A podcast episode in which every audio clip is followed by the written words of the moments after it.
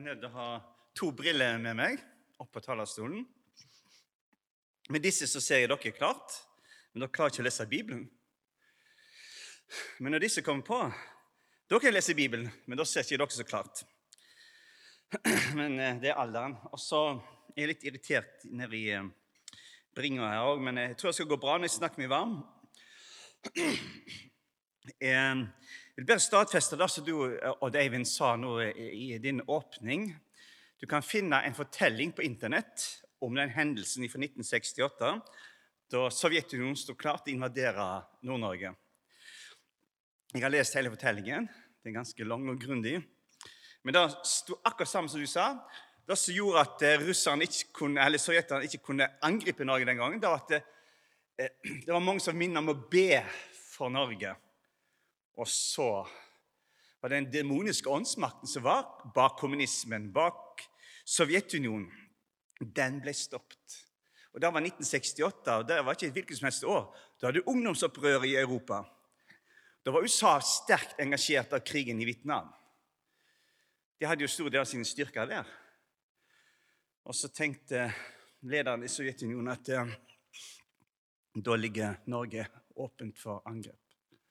Men det var en Gud i himmelen som ville det annerledes. Så jeg tror på det du fortalte. Absolutt. Så bare søk det på Internett, så finner du historien. I kveld så skal vi stoppe for Daniels bok, kapittel 1. Og Det er et veldig aktuelt budskap som har det, og jeg tror at jeg vil lese i starten her opp hele kapittelet. Det er bare 21 vers. Og så har jeg lyst til å ta fram dette budskapet. og i morgen kveld, hvis Gud vil vi får leve, så har jeg lyst til å stoppe for Daniels bok, kapittel 3. Og Overskriften på det jeg tenkte å dele med dere, er Guds ord og babylonismen. Da leser jeg i Jesu navn Daniel 1. I Judas konge Joakims tredje regjeringsår dro Nebukadneser, kongen i Babel, til Jerusalem og beleiret byen. Herren overga Judas konge Jojakan i hans hånd, likeså en del av karen i Guds hus.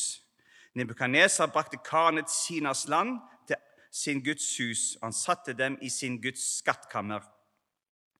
Kongen sa til Aspenas, sin øverste hoffmann, at han skulle ta med seg noen av Israels barn, både av kongeætten og av de ansette familiene, unge gutter som var uten lyte, med vakkert utseende, som da for dagen forstand på all slags visdom og hadde evner til å vinne kunnskap og få innsikt i vitenskap, slike som var skikket til å tjene i kongens slott. Dem skulle han gi opplæring i kalderende skrift og språk. Kalderende er samme som Babylonia eller Mesopotamia. Mesopotamia var jo landet mellom elvene Eufrat og Tigris. Kongen fastsatte deres daglige tildeling av kongens fine mat og av vin han drakk. I tre år skulle de få opplæring, og når denne tiden var til ende, skulle de stå i tjeneste hos kongen.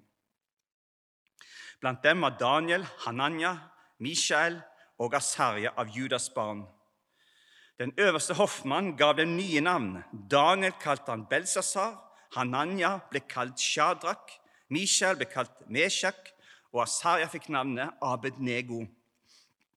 Men Daniel satte seg for i sitt hjerte at han ikke ville gjøre seg uren med kongens fine mat og med vin som han drakk. Han ba den øverste hoffmann om at han måtte slippe å gjøre seg uren.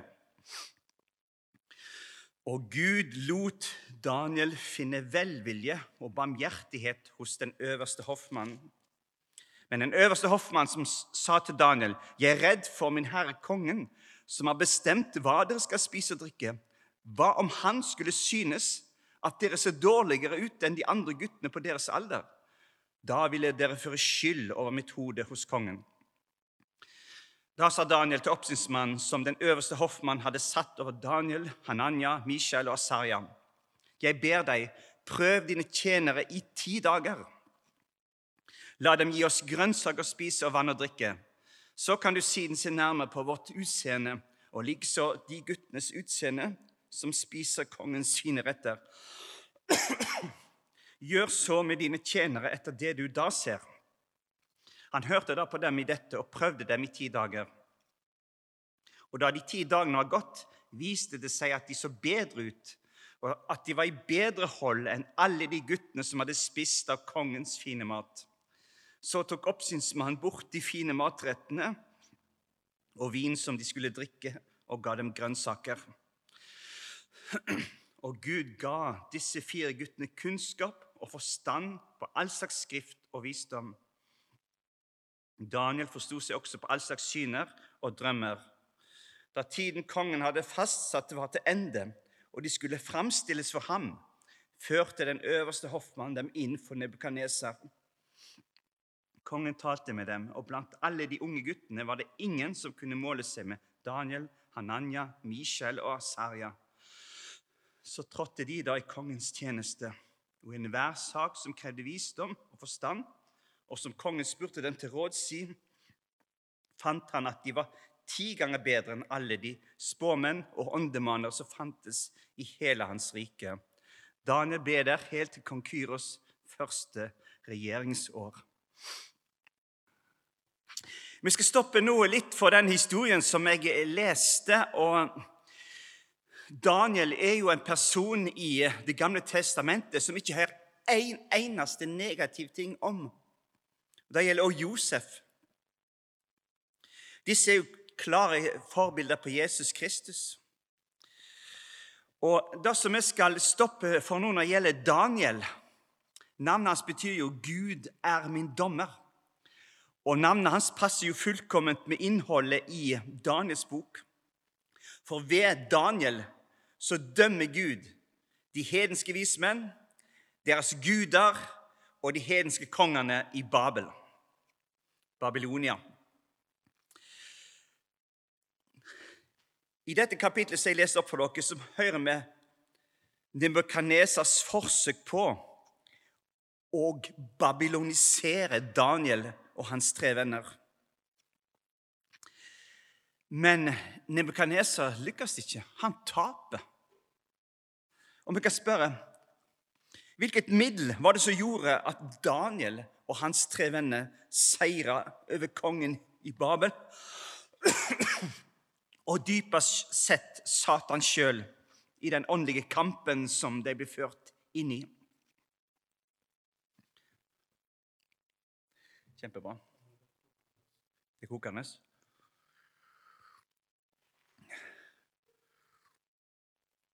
Ja, det var det òg.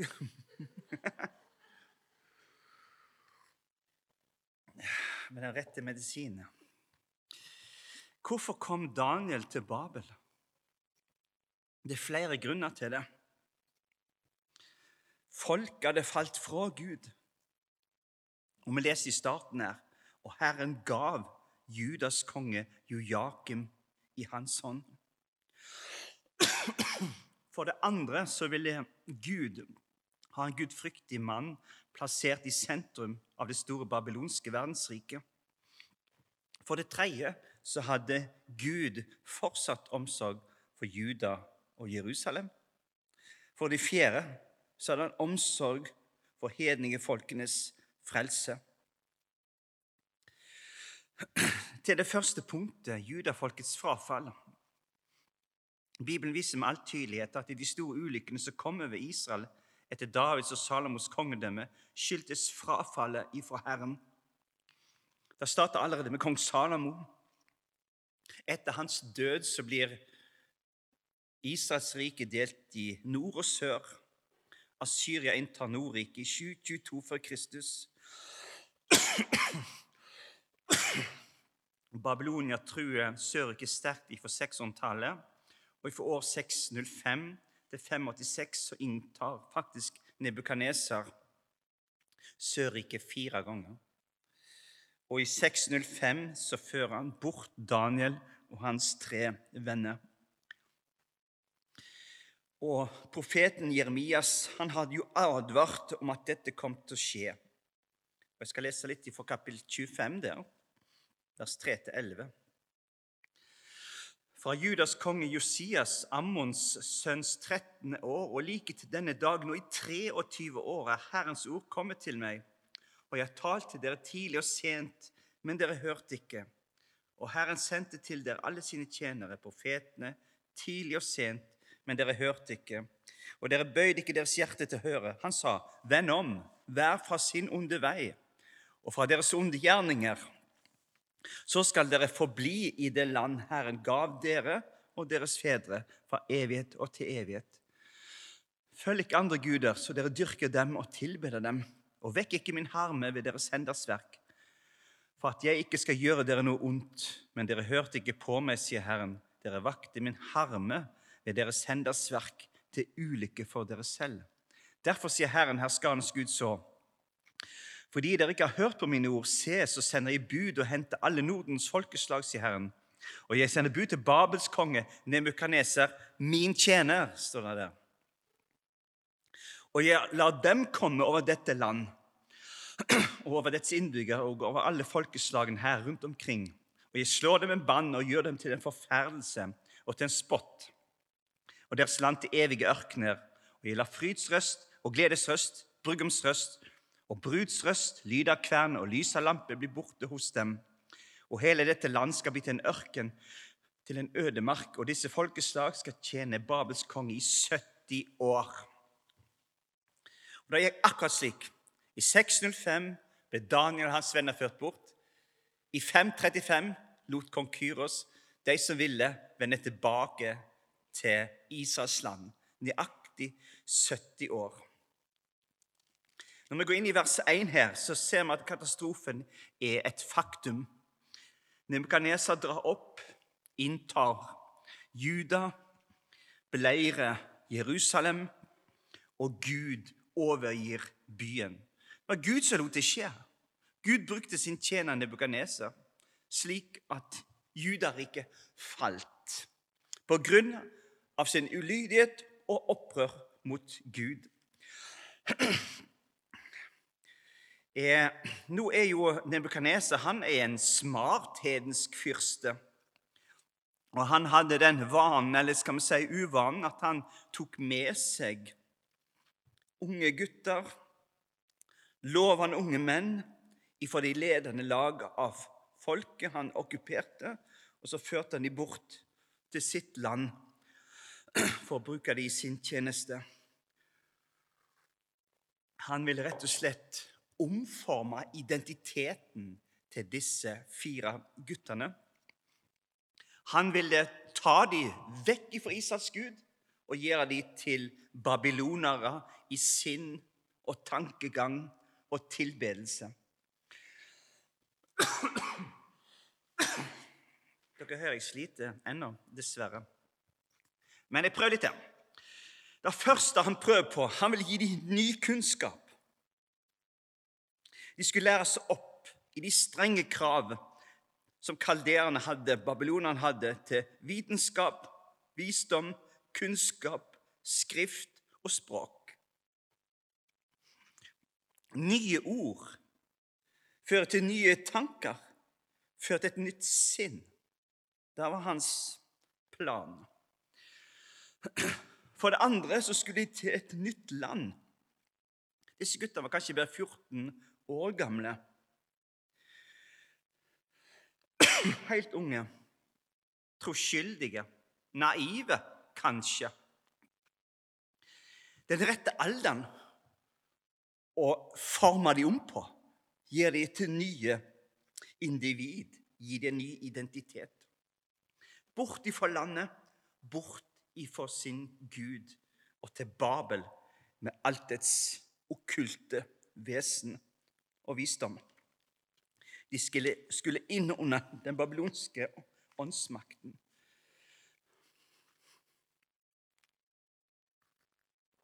Tredje trinn ny mat og drikke.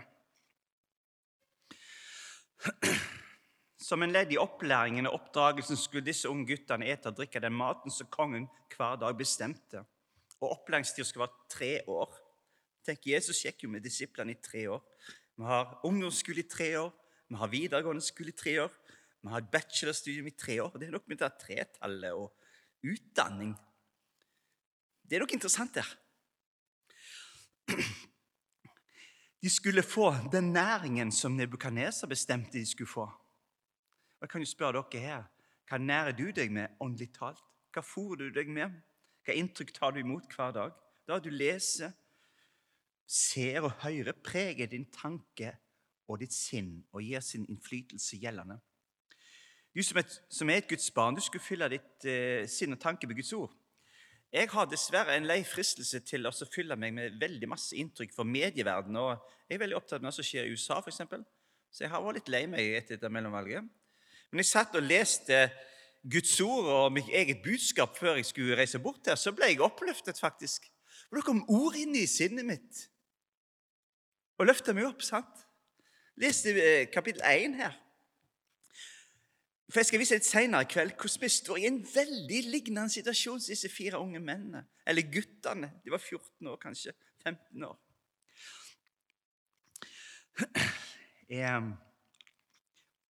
Jesus sier jo at vi lever ikke av brød alene, men hvert ord som går ut av Guds munn. Det er Guds ord som skal fylle vårt sinn og tanke. Og Jesus sier òg at han er livsens brød. Det er det som skal mette vår sjel, ikke alle disse andre tingene som skjer. Du blir lett nedstemt når du leser de norske mediene. Det er vandrer fra en elendigheten til den andre. Men jeg føler jeg må følge med òg. Men det har av til en pris som ja, Kanskje jeg skal lære seg å styre unna masemediene. Massemedier er blitt til masemedier. Du forsto den? Trinn fire. De skulle få nye navn, disse fire guttene. Sluttpunktet av babyloniseringen var at de skulle få nye navn. Hva skulle de med nye navn, da? De opprinnelige navnene til Daniels tre venner var jo fantastiske. Det var en lovprisning til den sanne Gud. Daniel, Herren er min dommer. Hananya, Herren er nådig eller barmhjertig. Misal, hvem er som Gud? Asaria, Herren hjelper, styrker, oppmuntrer. Det er jo en hel bibeltime om Gud, disse fire navnene. sant? Så kommer da Nebukaneser drevet av demoniske makter, og så sier han nei. Daniel, du skal hete Beltsasar. sant? Det betyr måtte guden Bel beskytte hans liv, eller måtte fruen beskytte kongen. Og denne fruen, da, det er Sarpanitu, som var kona til Marduk, som var den babylonske, eller hovedguden for eh, den babylonske hovedstaden. Da. Marduk han var vel egentlig hovedguden for hele det babylonske riket. Og Han hadde en kone som het Sarpanitu. Og hun skulle, denne kvinnelige demonen skulle beskytte hans liv, eller kongens liv. Og Hananya han fikk navnet Sadrak. Det betyr 'jeg frykter Gud', altså en avgud. Mesak var navnet til Misael. Eh, det navnet eh, betyr rett og slett av liten betydning. Altså han som hadde navnet 'Hvem som Gud'? Han fikk noe navn av liten betydning. Han måtte direkte angrep på den sanne Gud. sant? Den sanne Gud han er liten betydning. Og Sarja fikk navnet Abednego. Det er guden Negos tjener.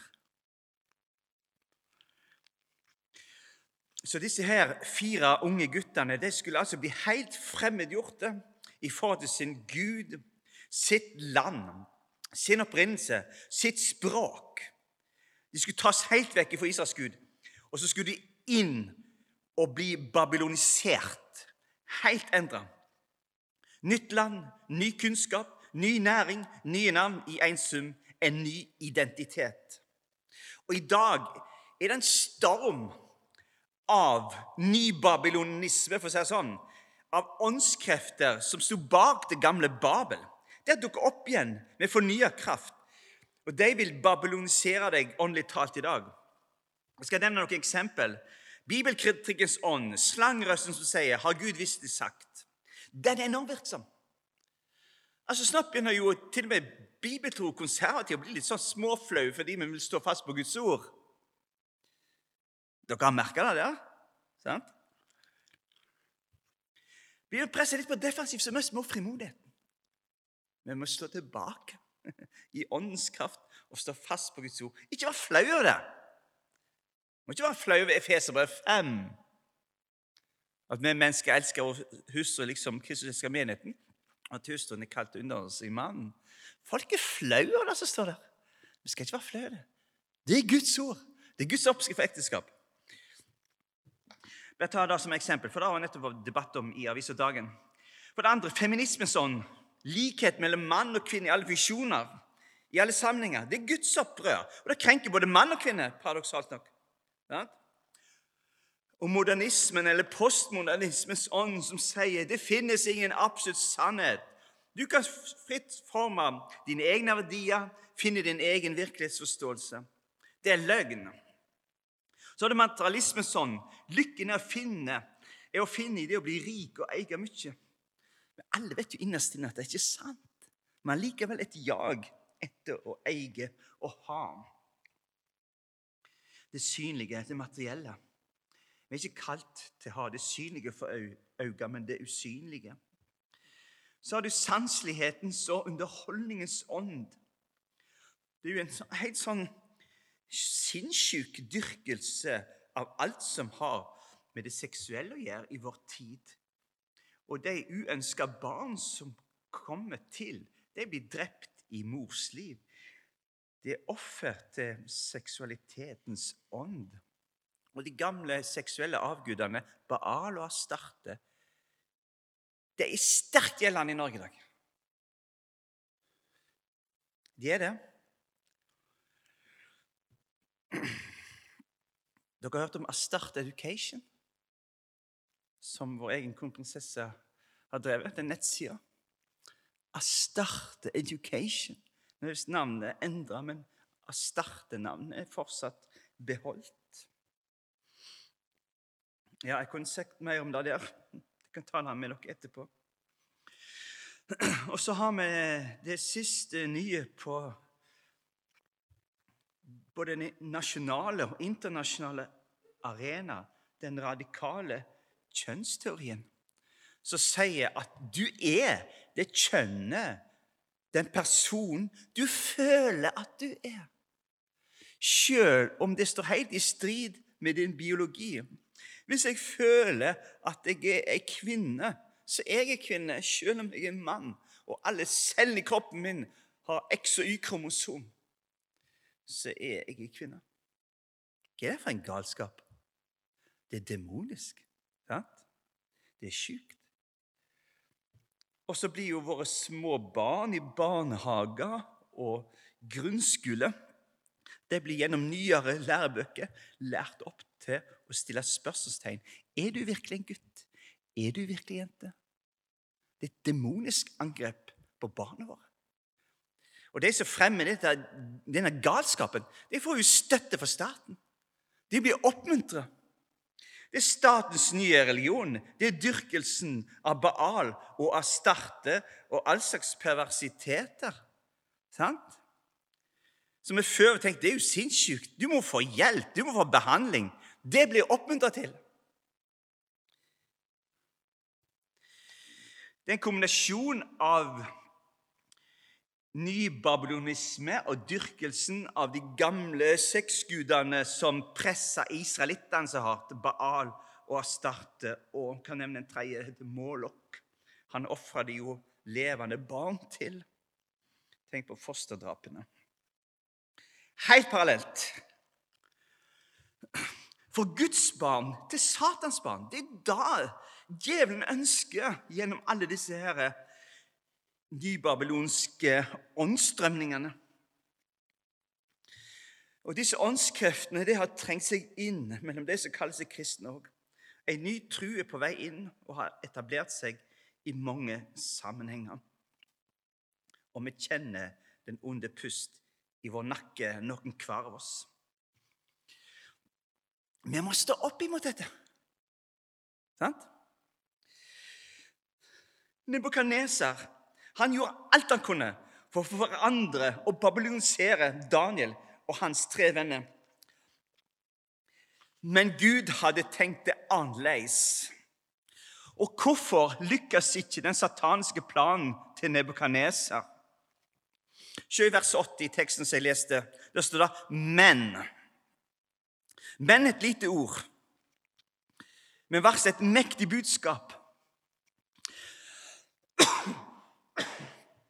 Men Daniel satte seg for sitt hjerte at han ikke ville gjøre seg uren med kongens fine mat og med vin som han drakk. Han bestemte seg innenfor Guds åsyn. Jeg vil ikke følge opplegget til Nebukadneser. Jeg vil være lydig mot Gud, den eneste sanne Gud.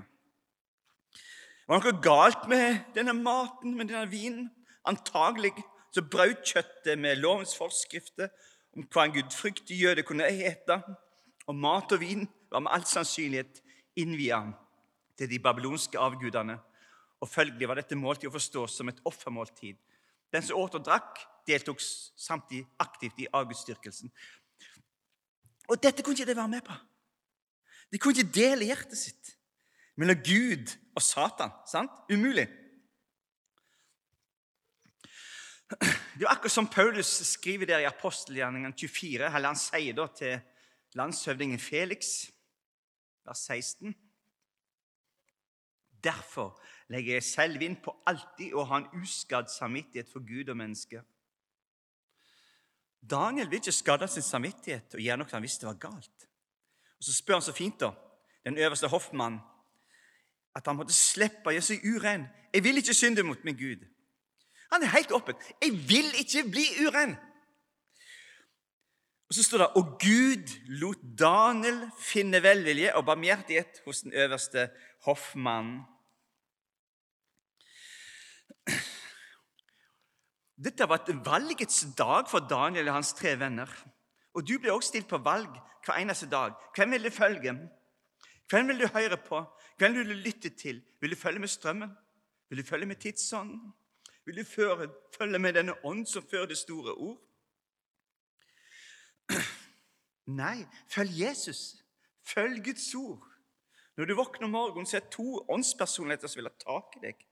Den trene Gud og han som kom for å stjele, myrde og ødelegge. Du som er en kristen er ikke kalt til å følge mengden, men Herren sjøl. Du er kalt til å følge den lille flokken som Jesus kjennes ved. Ok, Hvordan gikk forsøket til Daniel? Den øverste hoffmann han er jo redd for sitt liv og for sin stilling. Så Han er jo redd for hvis ikke Daniel og hans venner tar imot maten fra Nebukadneser og den vinen de skulle drikke, at de ikke til å se litt sånn dårligere ut. Litt sånn bleike og slappe sant? i ansiktet og kroppen, litt sånn vissen osv. Men det er nok om du får åndelig motstand, så skal ikke du gi det med en gang. Forsøk en gang til. Da lærer teksten her. Forsøk en gang til. Og så får jo Daniel den innskytelsen av eh, Gud sjøl. Ta en test. Ti dager. Det er fullstendighetens tall. da. Ti dager. La oss få grønnsaker å ete og vann å drikke i ti dager. God medisin. Jeg kjenner det hjelper veldig. Ti dager. Det er ikke lang tid, da. Jeg vil ikke fornærme de som bare eter grønnsaker, for det er mange som kutter ut eh, kjøtt i disse dager. Jeg prøvde ja, var det et døgn cirka, og stort sett bare etter grønnsakene jeg bodde i Telemark. Og trøst og bære hvor vondt jeg fikk i magen. Nei, det gikk ikke. Jeg følte meg ganske avkrefta òg, sant? Så jeg tenkte ti dager bare på vann og grønnsak. Er det mulig? Hæ? Er det mulig? Det må jo skje et under her. For etter ti dager så skal jo denne her hoffmannen inspisere disse guttene, disse fire guttene, sammenlignet med de som åt kjøtt og fisk og drukket vin og alt så videre. Og så har et under skjedd. Det viser seg at de ser bedre ut og bedre hold enn alle de andre som hadde spist av kongens fine mat.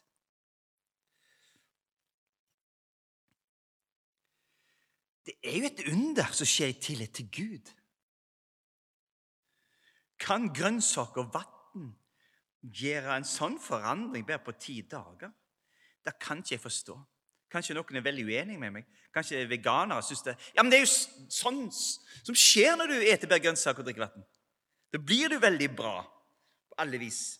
Se på utseendet ditt òg. Det blir bedre. Jeg vet ikke, men for meg virker det som et stort under. At de ser bedre ut.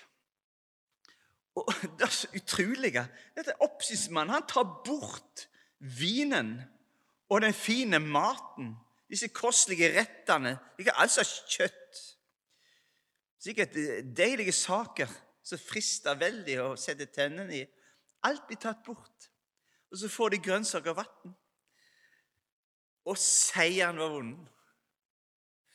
Dette virker så lite og så ubetydelig og så uskyldig. Men dette var en enorm seier som har følge for oss som sitter her òg. For hva hadde skjedd om Daniel og hans venner hadde bøyd seg og ikke stoppet opp imot programmet til Nebukadneser? Hva hadde skjedd da? Da kan vi bare ane. Da kan vi bare ane. Underet skjedde. Og så står det etterpå at Gud, han ga disse fire guttene kunnskap og forstand på all slags skrift og visdom.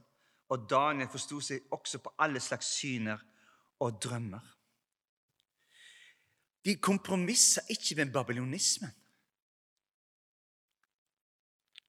Og så velsigna de Gudi med kunnskap og forstand på all slags skrift og visdom. Og så fikk Daniel den gava til å tolke og forklare og forstå syn og drømmer. Og Det står det masse om senere i dagens bok. som dere vet. Det fører velsignelse med å følge Guds ord. Og Gud var jo med de hele veien. Jeg kanskje, Av og til er jeg litt så redd for Vil jeg stå i den store prøven hvis jeg blir frista liksom, over evne? Hvordan vil jeg klare dette her?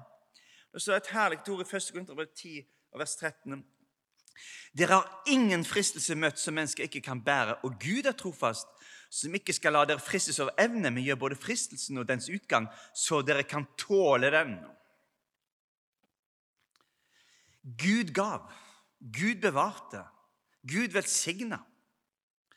Og Når et menneske blir gitt kunnskap for Gud sjøl, så får dette mennesket del i Kristi visdom. Ja, del i Jesus Kristus sjøl. Hør hva første Korinterbrev sier. Men vi forkynner Kristus korsfestet. For jøder et anstøt og for hedninger en dårskap. Men for dem som er kalt både jøder og greker, forkynner vi Kristus Guds kraft og Guds visdom. Jesus Kristus er Guds visdom. Kolosserbrev 2 så står det slik Kunnskap om Guds hemmelighet, det er Kristus, i hvem alle visdommens og kunnskapens skatter er skjult til stede. Og hvor endelig høyt ikke er den guddommelige visdom er den hedenske visdom.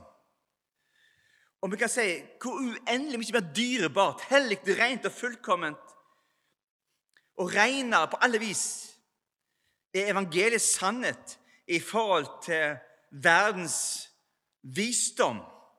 Babylonismen i all dens moderne utgave er til å spy av. sant? Noen vil ta avstand fra. Det er ureint, det er ondt, det er destruktivt. Det brer bare rundt seg nød og fortvilelse og håpløshet og usikkerhet, som du minte oss om i starten. sant? Bibelkritikken, postmodernismen, feminismen, materialismen, babylonismen i dens utallige moderne utgaver, radikal kjønnsteori som ødelegger de som følger dem, leder til en evig fortapelse om de ikke omvender seg. sant? Denne verdens visdom er ond og farlig og ødeleggende. Den drar bort ifra Gud og inn i, under Guds evige dom. Men den guddommelige visdom, Jesus Kristus, ord om korset, ordet om Jesus stedfortredende, lidelse og død, han oppstandelse til din rettferdiggjørelse, det er den guddommelige visdom, guddommelige sannheter, som gir deg evig liv, evig frelse. Og den visdommen gir deg òg et frelst menneskeliv. Du slipper å være en slave av tidsånden, av ugudelige moter, av lyster, av rusmidler, karrierejag osv. osv. Du som tror på Jesus Kristus, skal få være som Daniels tre venner. Du skal forbøye deg for én. Det er den trene Gud. Israels Gud.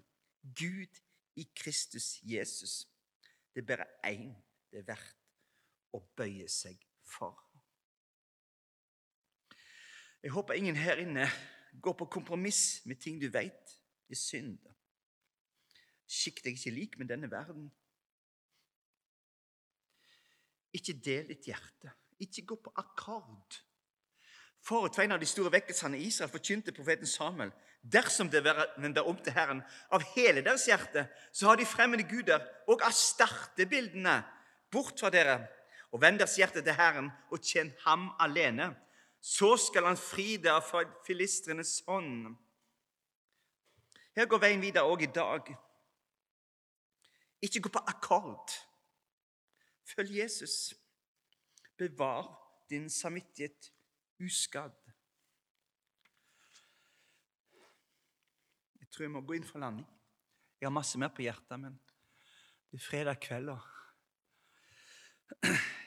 vi er vel litt slitne alle. Jeg føler meg i toppform etter en god middagstur. Så jeg kan jo dure på, men jeg tror det er lurt å kanskje runde av. Dette lille ordet 'men'. Men Daniel setter seg for i sitt hjerte. Han bestemte seg. Jeg vil ikke synde mot Gud. Jeg vil ikke gå på akkord. Jeg vil ikke kompromisse. Og så var Gud med ham. Og så var det en enorm seier i den åndelige kamp.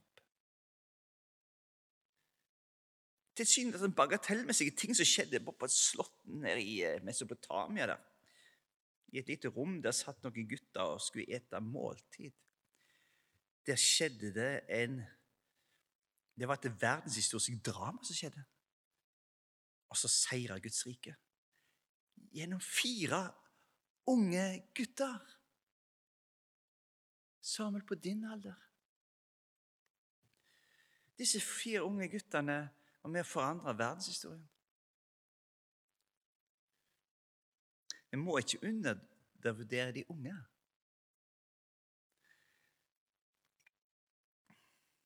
Jeg må fortelle en historie jeg kom på her.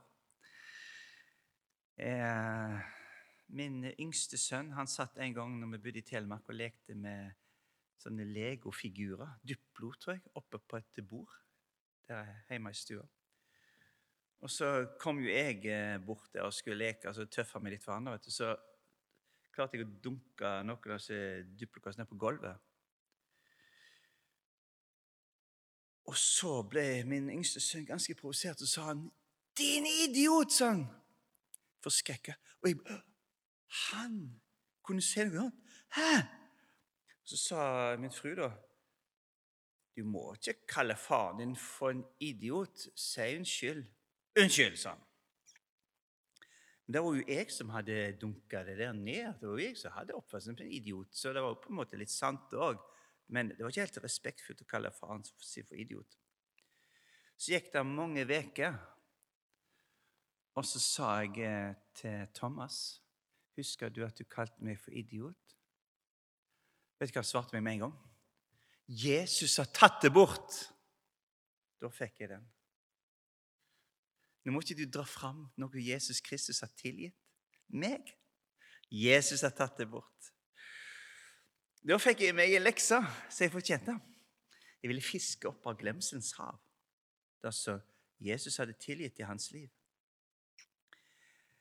Du skal ikke undervurdere barn heller. Og de unge. De kan eh, gi deg virkelig innsikt. Det kan de. Og her, i en liten matsal midt i Babylonia, så vant Guds rike en enorm seier gjennom fire tenåringsgutter. Det kan du undre deg over. De var jo vekk fra far og mor. De har ikke et støtteapparat rundt seg. De har overgitt til seg sjøl. Eller overgitt til Nebukadneser, en mann som bare kunne ta tommelen ned, så var et menneskeliv omme. Han hadde en enorm makt, en helt kolossal makt. En makt som ingen mennesker burde ha. Men Gud hadde gitt ham den makten. Og etter hvert kunne Gud bruke denne mannen òg. Det viser jo Daniels bok oss ganske tydelig. De hadde ikke noe støtteapparat rundt seg, menneskelig talt. Men hva hadde de? De hadde Guds ord. Og hvem hadde gitt de Guds ord? Så de bar med seg i hjertene sine når de ble ført bort til Babylon. Det Dette mektige hedenske riket gjennomsyra av demoni og satanisme. egentlig, sant? Hvem hadde gitt dem Guds ord?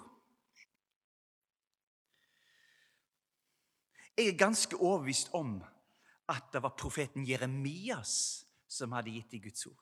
Han var profet i den tida når Nebukadneser inntok Jerusalem og Juda. Og Daniel han hadde i Babylonia tilgang til Jeremias sin skriftrull. Du kan lese i kapittel 9 hos Daniel vers 1 og 2 der. I Darius Ahasverus' sønns første regjeringsår, han som var medisk ett og var blitt konge over Kalderriket, det medisk-persiske riket overtok, sant? I de første år av hans regjering gransket jeg Daniel i bøkene og la merke til tallet på de år som Herren hadde talt om til profeten Jeremias, at han ville la fulle 70 år gå til ende mens Jerusalem lå i ruiner. Daniel granska i Herrens ord i Babel. Og han tok ordet som det sto. Herren ville oppfylle sitt løfte om de 70 år. Og Daniels lesing av Herrens ord til Jeremias drev han til bønn for folket og for seg sjøl. Og vi kan også lese videre Daniel Lie, hvordan han ber en mektig botsbønn. Han har syndet mot Herren. Folket hadde syndet mot Herren. Men da at han ba som han gjorde, det var en virkning av ordet i hans liv. Og da han som 14-15 år blir ført bort fra Jerusalem, så hadde han hørt Jeremias tale, Guds ord i Jerusalem. Og så hadde Daniel gjemt ordet i hjertet sitt. Kanskje hadde far hans og mor hans lest opp ifra lovens budskap. Under kong Josia hadde de funnet Herrens lovbok i tempelet år 626. Og så hadde de lest høyt lovboken. Og så må Daniel ha hørt det òg. Hørt. Kanskje han har fått lest i, i, i skriftrullene òg. Og så har han tatt ordet til seg og gjemt det i hjertet sitt. Og så hadde disse tre unge guttene gjort det samme. Og da kunne ikke all verden beseire dem. De hadde Herrens ord i sitt hjerte. Så kunne de stå opp mot det mektige babylonske verdensriket og Nebukadneser sjøl, og bak han sto Satan sjøl. Høvdingen over ondskapens ånde her i himmelrommet. Han kunne i Guds navn, i Jesu navn, stå opp mot alt dette og seire. Og han seira. Og du som sitter her, du vil òg seire i den åndelige striden du står i, ved å holde deg til Jesus Kristus og Hans ord. Det står så fint, jeg skal avslutte med det, Johannes 14. Om noen elsker meg, da holder han mitt ord, og min Fader skal elske ham, og vi skal komme til ham og ta bolig hos ham. Den som ikke elsker meg, holder ikke mine ord, og det ord dere hører, er ikke mitt, men Faderen som har sendt meg. Om du er glad i Jesus Kristus, kan det testes på flere ting. Men ikke minst da tar du vare på ordet hans. så vil Jesus bo i hjertet ditt. Og Gud Fader og Guds Sønn vil være hos deg. Jesus Kristus han er også dypest sett Ordet. Han blir kalt for Logos. Han blir kalt for Ordet, Johannes 1. Og han er i sannhet ordene i Ordet. Og det var han som var Ordet i ordene og i loven som Daniel tok inn i sitt hjerte. Og så sier han i kraft av ordet. Så seier òg hans tre venner i kraft av ordet. Og så ble det til ufattelig velsignelse for òg Nebukaneser, for òg hans vismenn, for òg hans folk, og, og det jødiske folk, og for oss som sitter her. Mektig å tenke på. Skal vi ta og be til slutt? Herre Jesus Kristus, takk at vi tror på deg, Jesus Kristus, så har vi seier over alle våre virkelige fiender. Synden, djevelens og dødens og den onde verdens makt. Takk at Daniel og hans tre venner de fikk seire mot Satan, mot Nebukadneser. All hans vesen, all hans tankegang, all hans forsøk på å forføre og endre, skape en ny identitet. Så seirer de ved å holde fast på ordet, Guds ord. Hjelp oss til det samme. I ditt navn. Amen.